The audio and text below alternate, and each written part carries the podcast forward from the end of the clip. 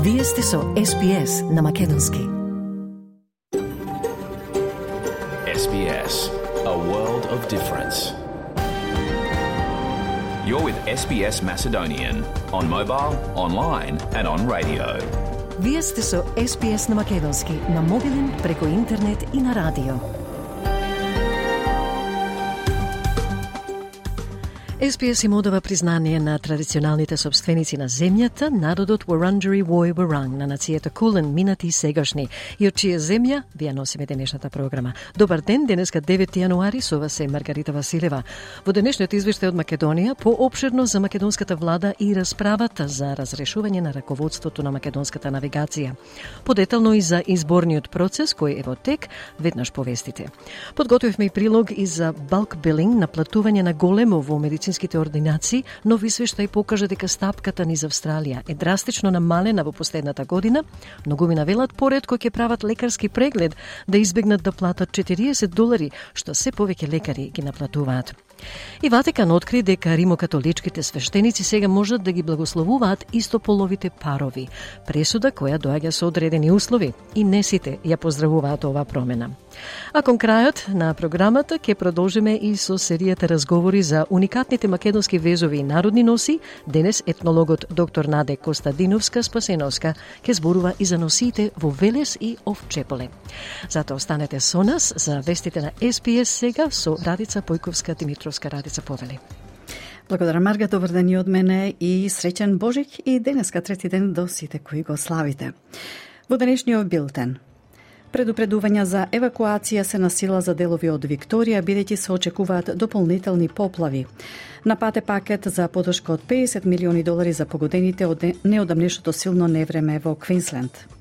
Пропалестински демонстранти го прекина говорот на председателот на САД Џо Бајден – Македонската влада денеска треба да расправа за разрешување на раководството на македонската навигација по минато неделниот упад на 8 лица во просториите на контролната кула на Скопскиот аеродром. И во тенисот, австраликата Дарија Савил ја оствари својата најголема победа во речиси 18 месеци, а најдобрата македонска тенисерка Лина Ѓорчевска денеска на Australian Open за противничка има Катарина Кава од Полска. Слушајте не.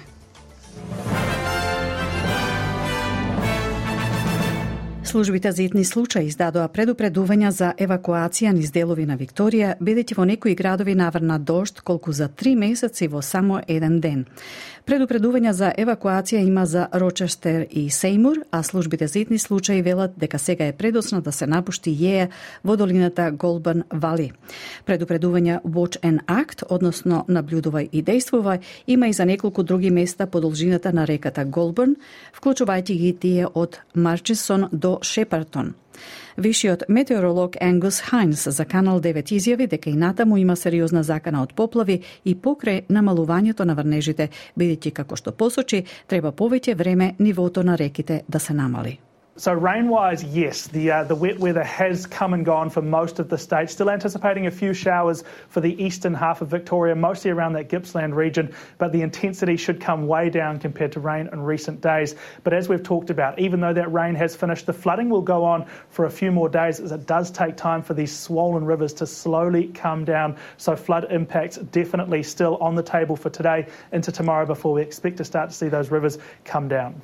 Лидерот на опозицијата во Викторија, Џон Песуто, ја повика владата да обезбеди подрачјата погодени од поплавите во Викторија да ја добијат потребната подршка. Викториците се подготвуваат за поплавите со изолација на нивните домови, откако властите ги предупредија предупредија жителите на неколку градови да се евакуираат. Господин Песуто изјави за Канал 9 дека голем број жители во Рочестер и натаму живеат во привремено сместување, откако доживеале разорни поплави во октомври 2022 година. Тој рече дека има уште непоправени патишта од предходното невреме поради кратење во буџетот, дека луѓето во погодените заедници сега минуваат низ тој кошмар по втор пат и ја повика владата да се врати од одсуство и да се погрежи луѓето да ја добијат потребната помош. Uh, we've seen roads that were damaged in the last flood event, which haven't been fixed due to budget cuts in Victoria. So these people who are affected, these communities, are going through this nightmare for a second time. Uh, look, we all want to come together at a time like this. Uh, we don't want politics to interfere. What we want is the government to be totally focused, uh, to come back from leave, get on top of the job, and make sure that people are safe first and foremost, and that then they can get the assistance they'll, they'll obviously need. Премиерот Антони Албанезе објави дека е на пат пакет за подршка од 50 милиони долари за погодените од неодамнешното силно невреме на крајниот север и југоисток на државата. Новиот пакет за подршка ќе вклучува мерки за обновување на туризмот и програми за чистење на местата кои се најтешко погодени. Новата сума е дополнително на туристичкиот пакет од 64 милиони долари за Квинсленд, објавен во декември по предходните бури. Премиерот рече дека од далечниот Северен Квинсленд утре директно ќе отпатува во Викторија. Зголемувањето на цените на кириите продолжи во празничниот период. Најновиот извештај на Prop Track Market Insight покажа дека просечната национална кирија продолжува со метеор, метеорскиот пораст, зголемувајќи се за 1,8% во текот на декемвриското тромесече на 580 долари неделно. Ова е зголемување од 11,5 одсто во споредба со предходната година, што значи дека кириите неделно се поскапи за 60 долари во споредба со почетокот на 2023 година. Цените во главните градови беа за 13,2 одсто повисоки од предходната година, со што просечната вредност достигна 600 долари неделно, бидејќи кериите на стан во Сиднеј, Мелбурн и Брисбен се зголемија за 15 до 17 одсто. Според економистот на PropTrack, Енгас Мур, краткорочната ситуација веројатно нема да се подобри, но вели дека гледано долгорочно, изнајмувачите може да очекуваат да здивнат, бидејќи податоците од 2023 покажаа дека растот на кириите е забавен во споредба со предходната година. Демонстранти кои повикуваа на прекон, прекин огнот во Газа вчера 8 јануари го прекинаа говорот на председателот на Соединетите Американски држави Џо Бајден. Бајден зборуваше во црквата Мајка Емануел во Јужна Каролина, кога група почна да извикува цитат прекин на огнот сега. Without the truth, there's no light. Without light, there's no path from this darkness.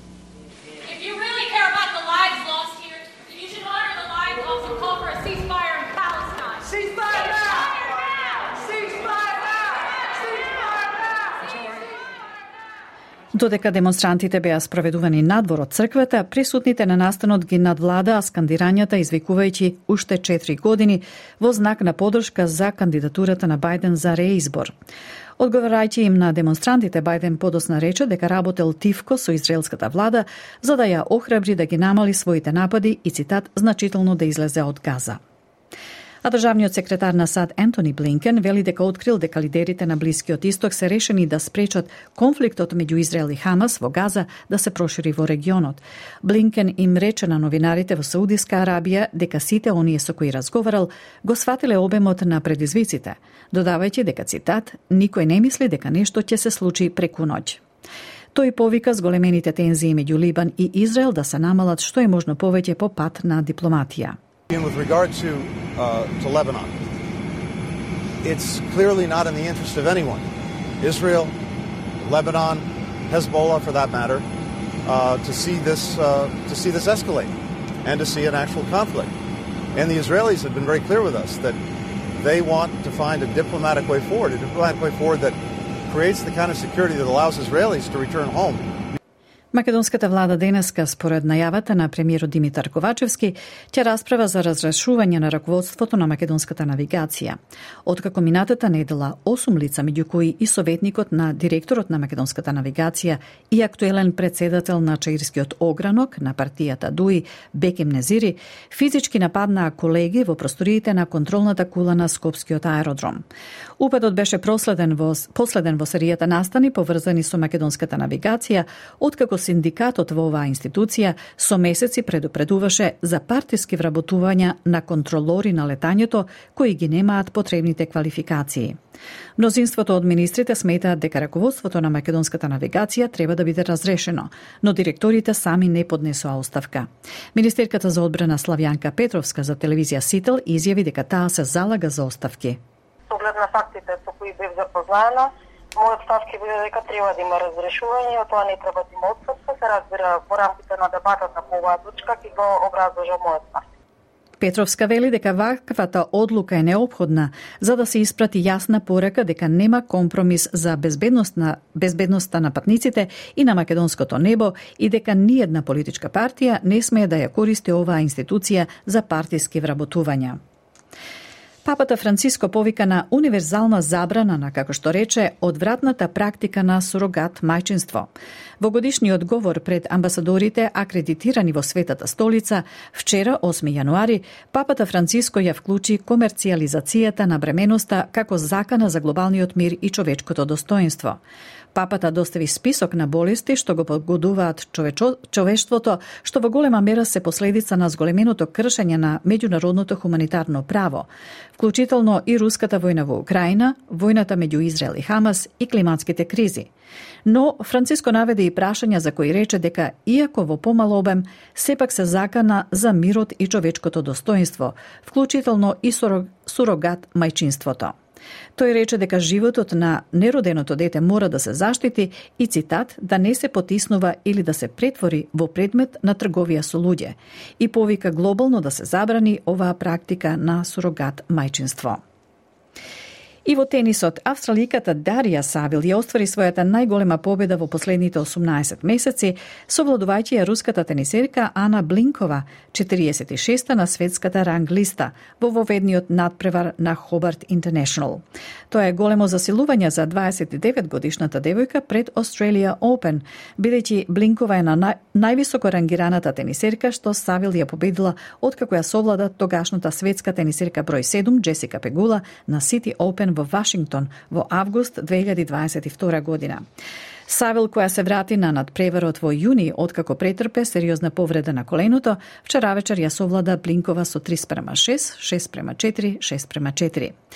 Во меѓувреме, локалниот херој Танаси Кокинакис на Adelaide International претрпе пораз во првото коло од србинот Душан Лајовиќ.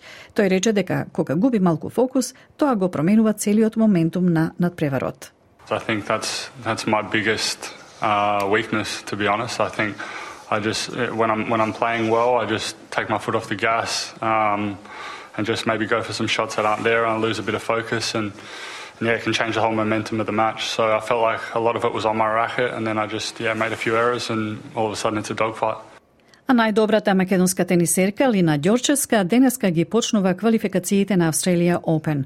Противничка е Катарина Кава од Полска, а мечот се игра околу пладне по австралиско време на теренот број 13 и е предвиден како втор од денешната програма. Ова ќе биде прв меѓусебен дуел на Ѓорчевска и Кава. Ѓорчевска во 2017 година беше на чекорот пласман на главниот турнир пред поразот во третото коло од квалификациите, додека полската тенисерка досега имала три настапи во квалификациите на Australian Open и три порази во првото коло.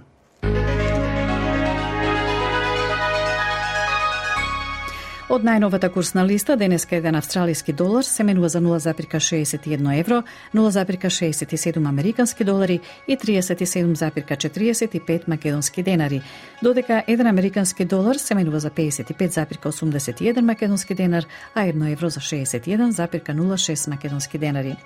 Накусо и временската прогноза за главните градови за утре среда 10 јануари. Перт сончево максимална 33 степени, Аделаид претежно сончево 27, Мелбун делумно облачно 25, идентично и за Хобарт, делумно облачно 25, Камбера делумно облачно 30, делумно облачно и за Сиднеј со максимална до 29 степени, Брисбен слаби краткотрени врнежи 31, Дарвин врнежливо со услови за бура 31 и сончево за Алис Спринг со максимална 38 степени.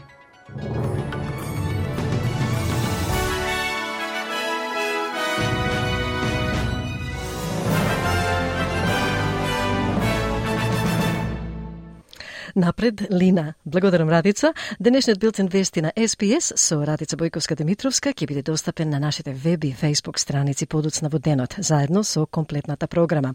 Со вас до крајот на емисијата е Маргарита Василева, а вие сте со СПС Audio на Македонски, каде во останатите 45 минути ќе слушнете вести од Македонија, актуелности од Австралија и светот, а кон крајот и разговор за македонските везови. Останете со нас. Ја следите програмата на СПС на Македонски со Маргарита Василева. Во извештајот од Македонија, владата денеска треба да расправа за разрешување на раководството на македонската навигација. Поранешен фудбалер е еден од четворицата кои се во бегство по упадот во македонската навигација. И на 16 јануари ќе почне постапката за подготовка на изборниот процес. Од Македонија денеска нови теми известува Бране Стефановски.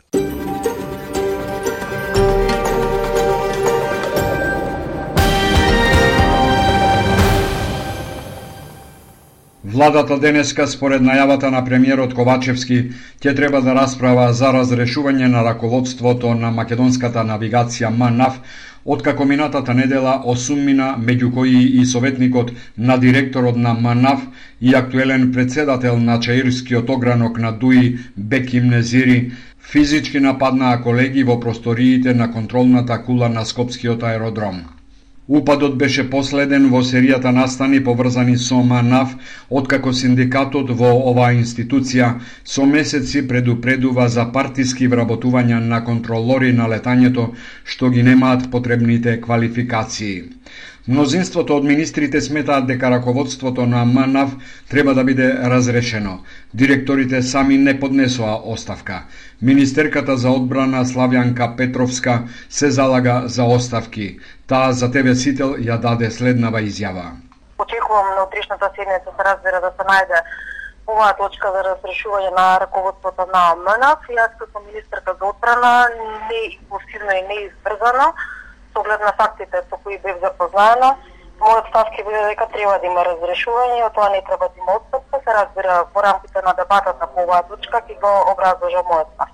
Петровска вели дека ваквата одлука е необходна за да се испрати јасна порака дека нема компромис за безбедноста на патниците и на македонското небо и дека ниедна политичка партија не сме да ја користи оваа институција за партиски вработувања. И министрите на Алијансата на албанците велат дека ќе гласаат за разрешување, бидејќи ситуацијата не смее да се влоши. Иако официјално не одговараат, и министрите на ДУИ изразиле подготвеност да гласаат за разрешување. Во меѓувреме не стигнуваат реакциите на опозицијата за овој случај.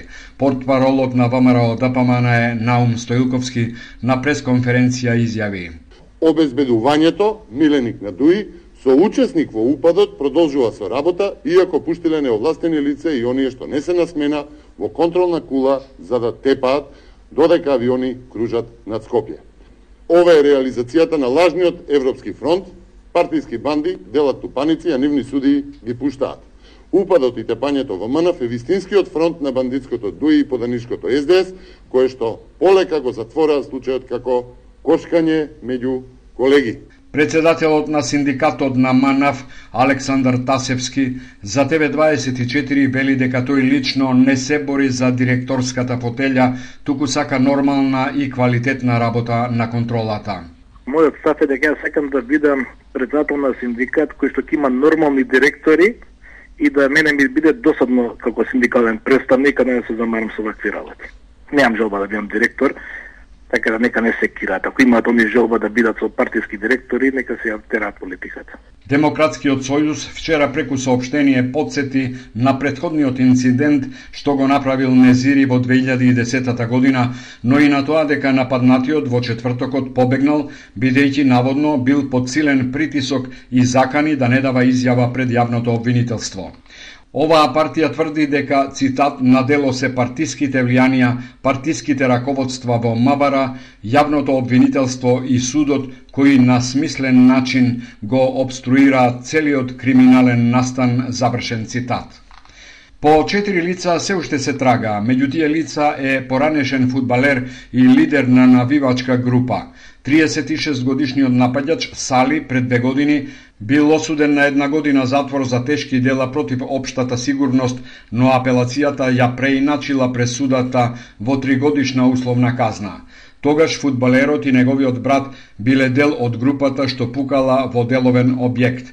Меѓу лицата по кои се трага, според медиумите, е и Омер Буњаку, поранешен лидер на набивачката група Шверцери и поранешен директор на ФК Шкупи. Тој беше и советник во кабинетот на првиот вице-премиер Артан Груби, како негов пријател кој учествувал и во тепачките на Скопското кале во 2011 година.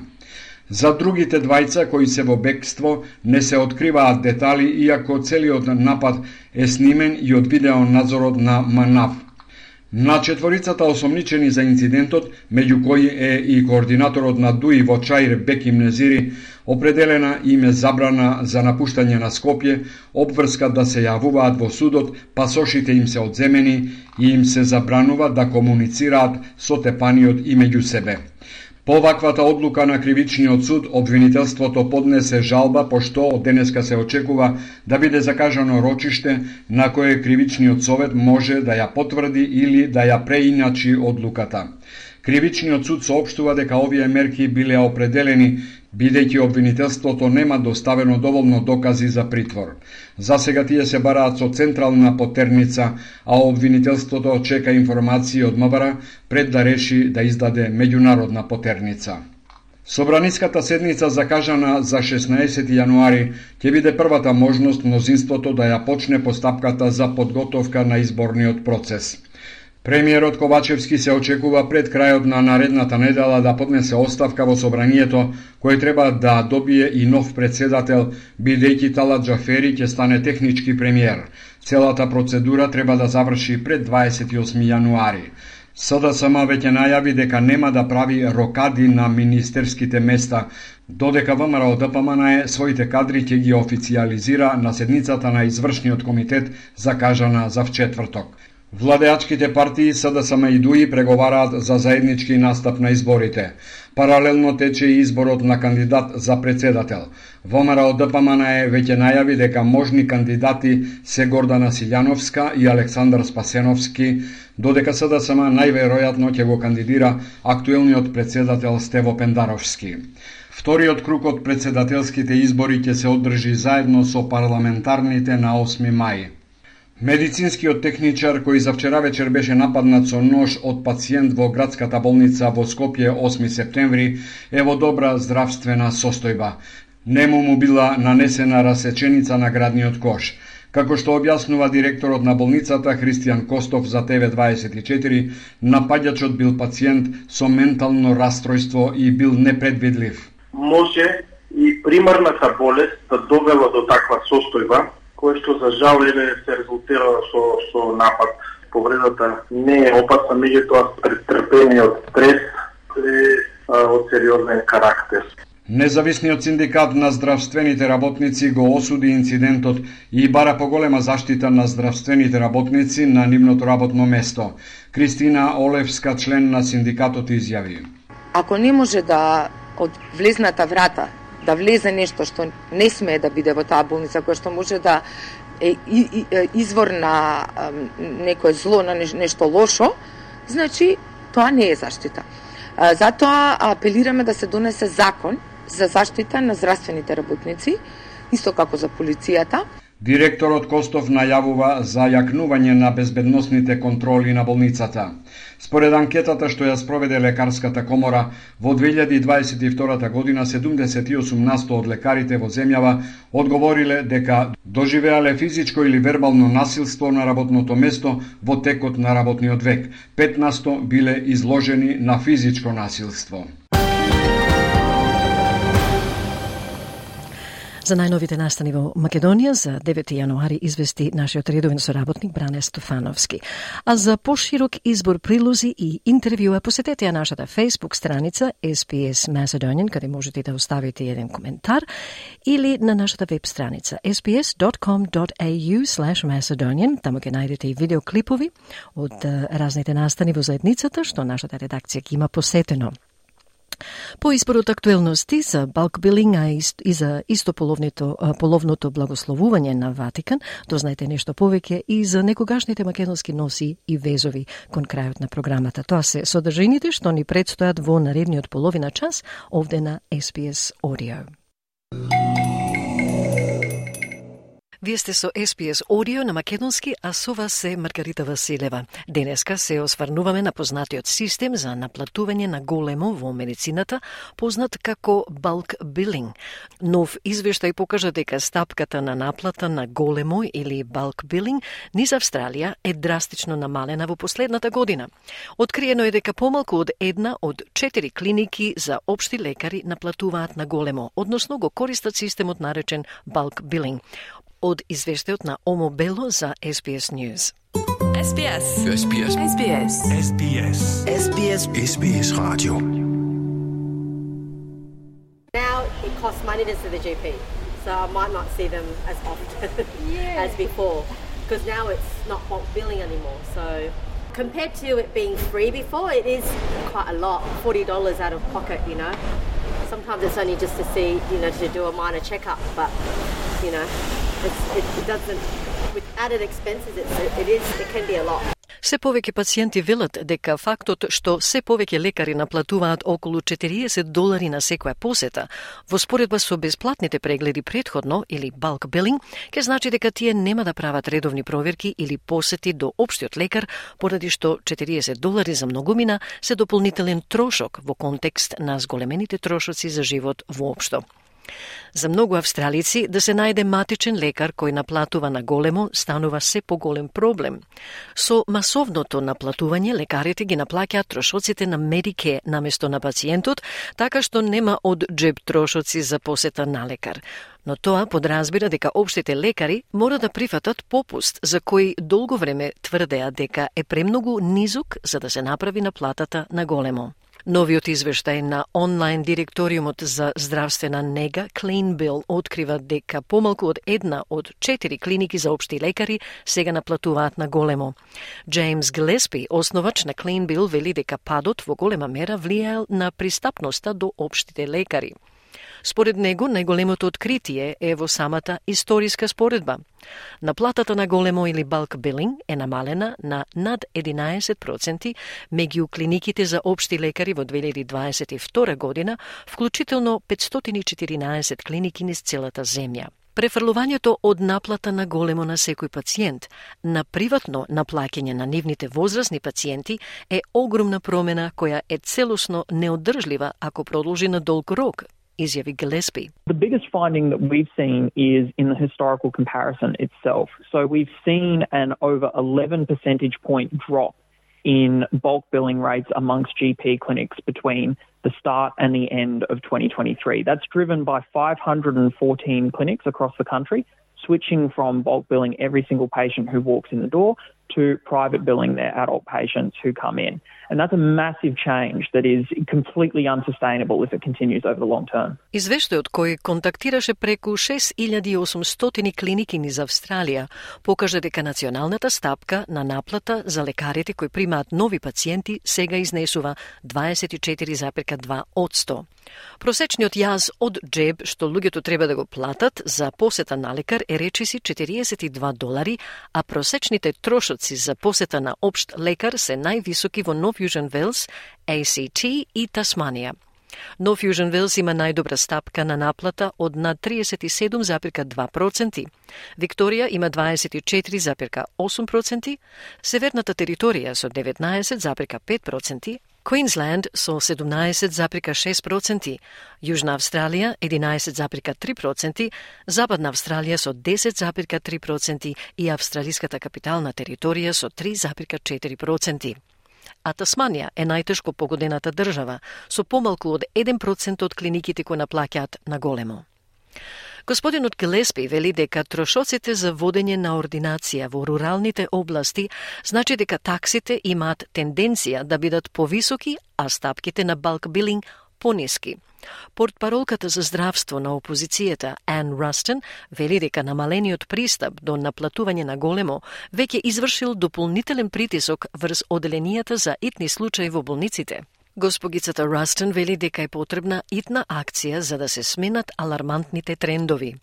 Таа вели австралиската примарна здравствена нега не поседува национална стратегија за интегрирана нега во работната сила, додавајќи дека немало доволно итност од страна на владата да се справи со предизвиците во работната сила и во време кога 1,2 милиони австралици избираат да не одат на лекар поради високите трошоци за живот. Obviously, the biggest issue right now facing Australian primary care um, is a lack of a national integrated um, care workforce strategy. So far, we've seen a number of initiatives from the government, all of which uh, rely on an improvement in the workforce.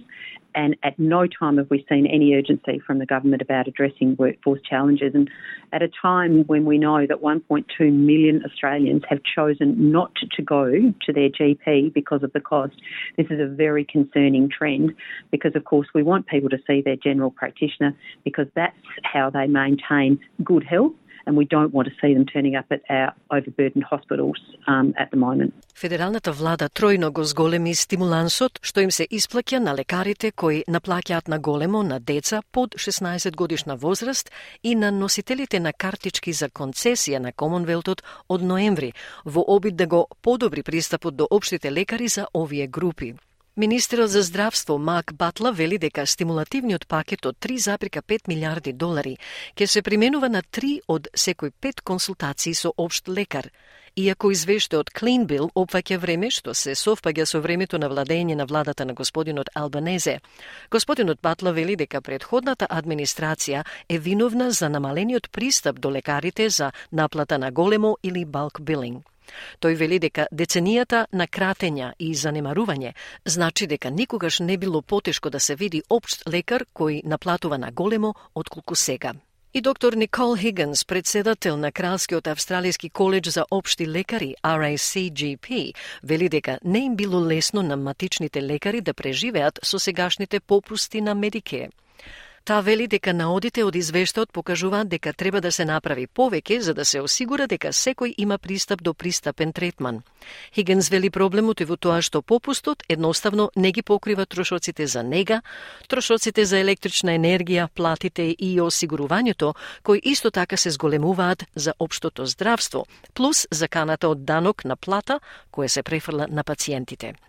Доктор Никол Хигенс потенцира дека треба да се инвестира во општата пракса, а не во скапи болници, што значи дека ако луѓето се одржуваат во добро здравје, тоа е многу поефикасно за целата заедница. The problem is the rebate simply doesn't cover the cost of care. Like the cost of electricity and wages and insurance, etc., has been increasing in general practice as well, plus the threat of payroll tax. And that's been passed on to patients. And the gap has been widening. So people have now got out of pocket costs. But general practice only accounts for 6.5% of federal government health funding. We need to flip the system around. We need to make sure that we invest in general practice, not expensive hospitals, which means that if we keep people well and healthy, it is a much more efficient way of doing things and it's much better for our community. SBS на Македонски. Споделете ги нашите приказни на Facebook. Слушате SBS Audio на македонски јазик, а со вас е Маргарита Василева. Неодамна Ватекан откри дека римокатоличките свештеници сега можат да ги благословуваат истополовите парови. Но пресудата доаѓа со одредени услови. Благословот се дозволува само доколку парот не е дел од редовните црковни ритуали – И како што известува Кјара Хейн за SBS News, не сите ја поздравија оваа промена.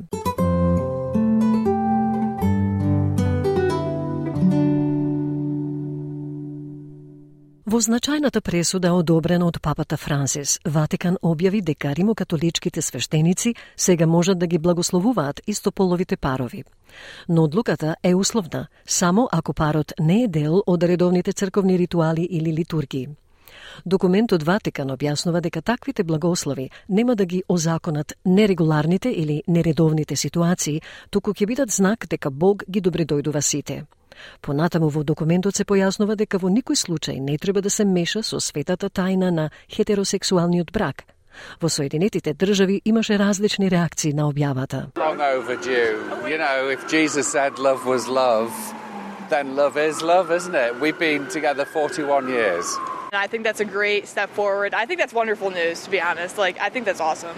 I think it's okay because I would want I would want to be blessed by a priest because I am with a woman, and I believe I say go for it.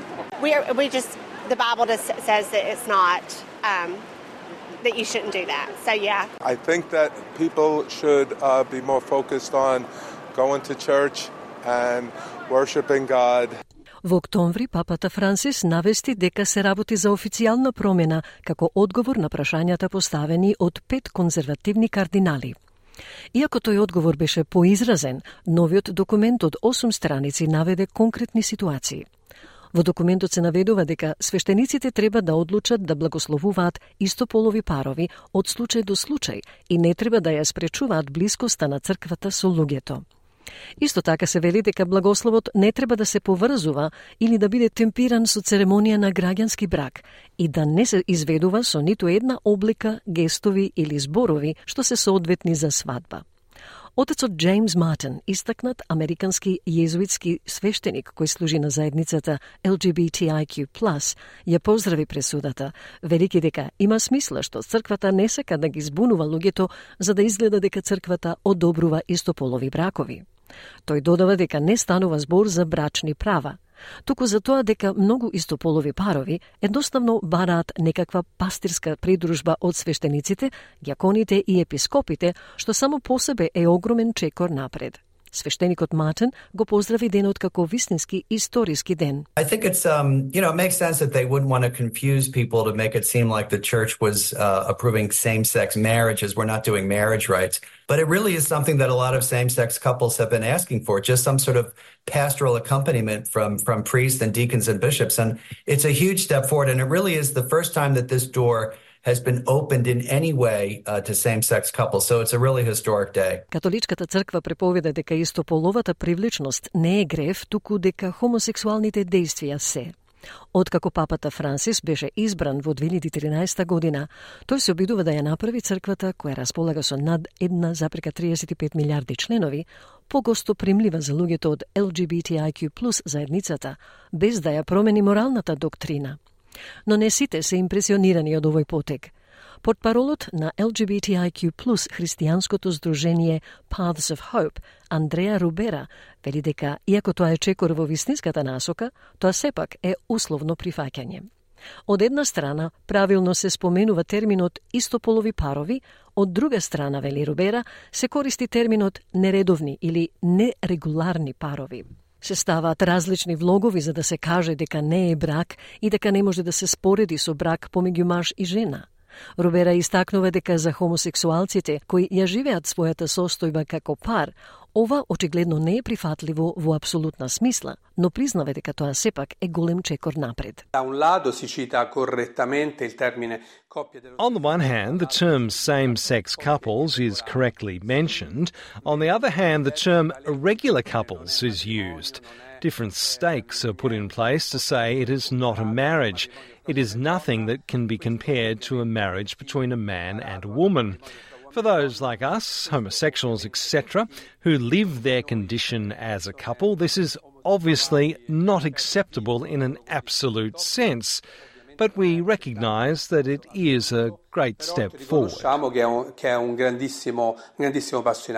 David Jobin е од групата Our Fund Foundation, која има за цел да ги унапреди каузите на заедницата LGBTIQ+, во Соединетите држави. Како 60 годишен човек кој се борил со институцијата на христијанството во сите незини форми во текот на целиот негов живот, господинот Джобен вели тоа е фрустрација што ваков мал чекор заедницата на некој начин ја слави. Тој вели не е доволно што денеска сме малку повеќе ценети поради донесената одлука на една личност. You know, as a 60-year-old man who who has wrestled with the institution of of Christianity in all its forms throughout my whole life, you know, this is it's this is it's a frustration. It's a frustration that this small step we're somehow celebrating like, oh, we're we're somehow we're somehow more valued today Because of a decision that one person made. It's, it's not enough. На пресудата се очекува да се спротивстават конзервативците кои го критикуваа папата кога тој ги даде своите првични коментари на оваа тема во октомври. СПС контактираше со Асоциацијата на австралиските католички бискупи, која одби да даде коментар.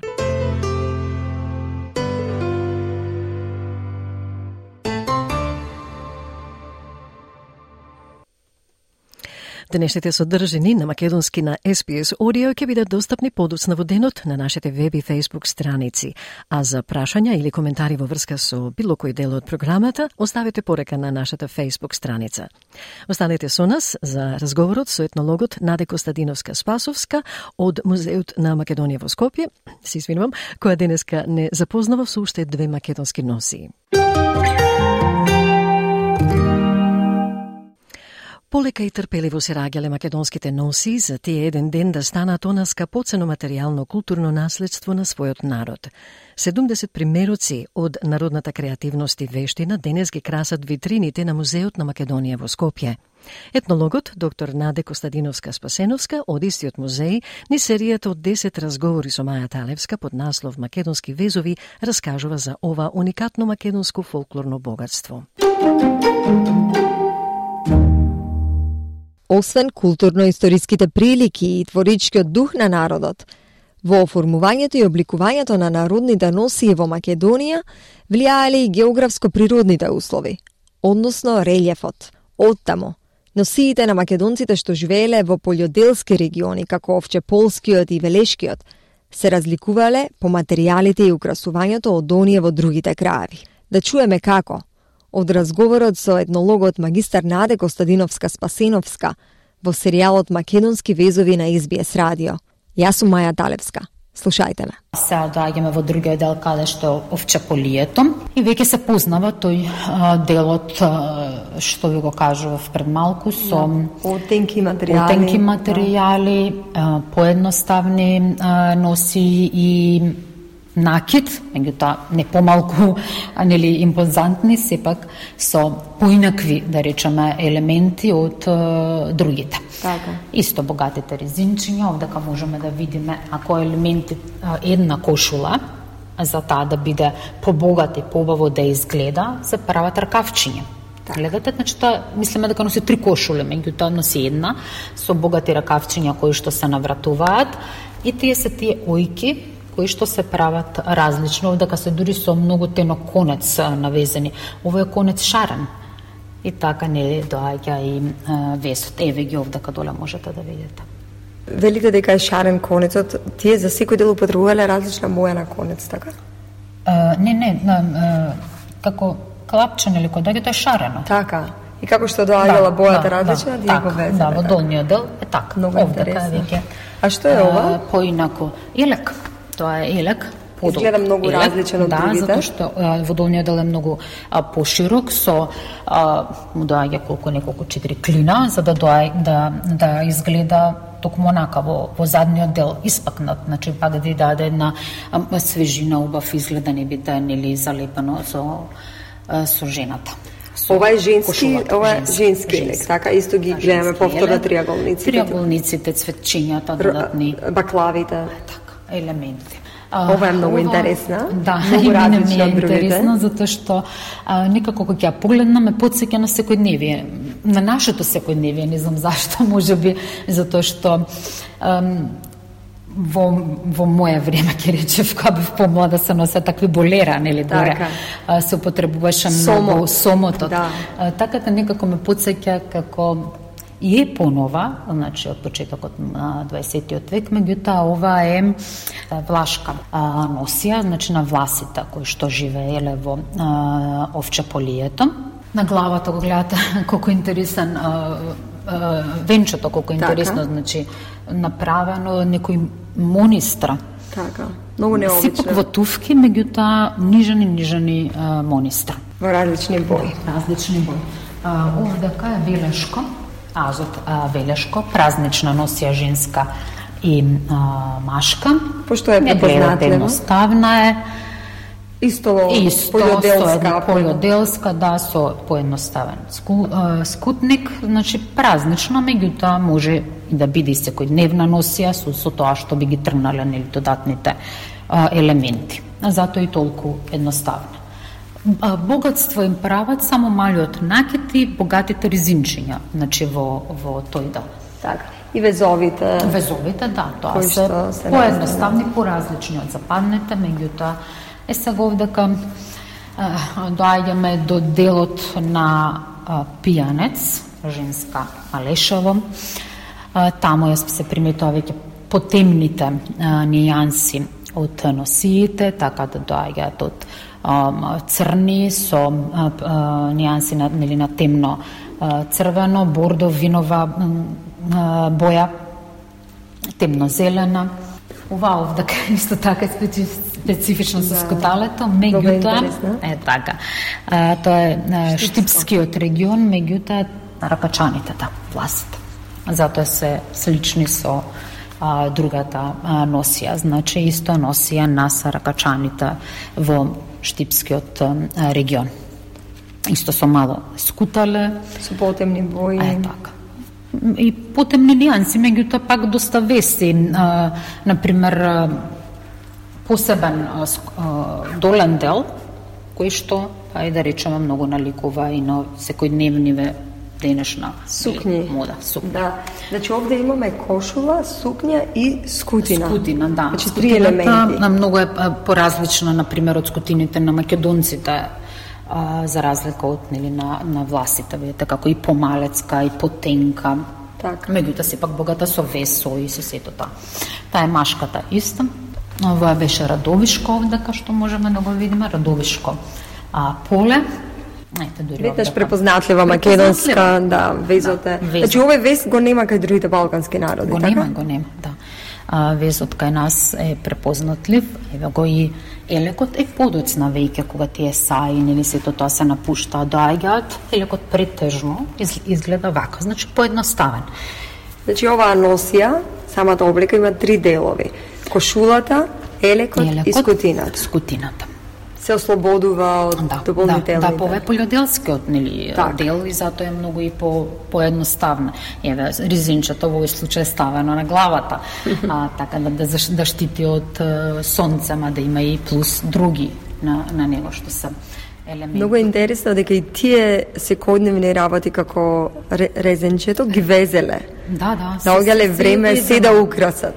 А, што туку пишував некој а, текст каде што а, најдов дека а, во минатото се правели се везеле мали турбички во а, димензија на кибрид, каде што се чува кибрикотот над огништето. Меѓутоа тоа толку малацко да речеме може би незначајно нели да, за да. за денешно време посветувале внимание, го везеле, го красувале и си имало посебно место на а, чување. Сега кога споменавте никаде не видов торба а, или чанта? А, турбите не се во посебен а, дел, бидејќи тие се а, а, тој дел го видиме како тек, текстил, значи да. ткаеници, ткаенини. Но биле дел од нив, од да, облеката, да, така? Да, од облеката. Турбите исто така се различни, дали е турба за канење, за свадба, турба за на, на пазар, турби кои се употребувале во секојдневието и сите тие се различни, значи со исто различни орнаменти, стилови, се е различно.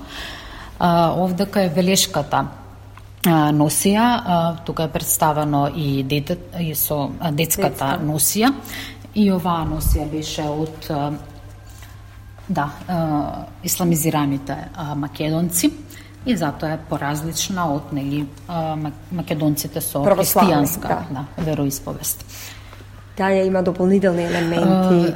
па тука претежно и бојата се да. се гледа малку е пошарена за разлика од останатите пошарена делот на елекот. Боја, елекот се познава, е многу пократок, потесен, само во делот на градите, од жолта златна срма, и носат нели напред место има скутина, меѓутоа врз скутината се а, овие крпи кои што се со тенко лито лито платно и се дополнително се везат. Елемент што го нема кај македонците. Го нема, да. А гледам и дека овој елемент а, изгледа сосема поинаков смарени. Да, тоа е појас кој што исто така се се везе од многу ситни монистра. Так. Е фактички при везењето претходно нормално се прави нели шема како би изгледал тој колан да се од цветчиња со сето тоа и потоа се везе со со монистра и се шие заедно со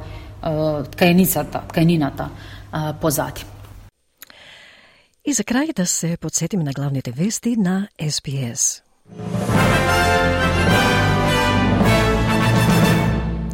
Предупредување за евакуација се на сила за делови од Викторија, бидејќи се очекуваат дополнителни поплави. На пат е пакет помош од 50 милиони долари за погодените од силното невреме во Квинсленд. Пропалестински демонстранти го прекина говорот на председателот на САД Џо Бајден. Македонската влада денеска треба да расправа за разрешување на раководството на македонската навигација. И во тенисот австраликата Дарија Савел ја оствари својата најголема победа, а најдобрата македонска тенисерка Лина Ѓорчевска денеска на Australian Open за противник ја има Катарина Кава од Полска.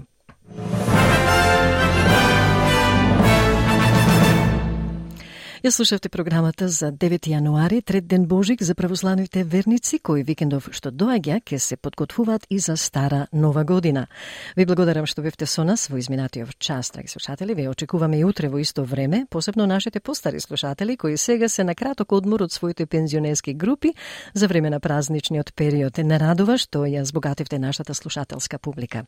И не заборавете да ги посетите нашите интернет страници за избор прилози, интервјуа и видеорепортажи репортажи на разни теми и од разни настани во македонската заедница. Нашата интернет страница, да ве подсетам, е sbs.com.au slash Macedonian, а Facebook страницата можете да најдете на SBS Macedonian, каде може да се остави коментар. До слушање до утре од Маргарита Василева, се најдобро. Стиснете, ми се допаѓа, споделете, коментирајте. Следете ја SBS на Македонски на Facebook.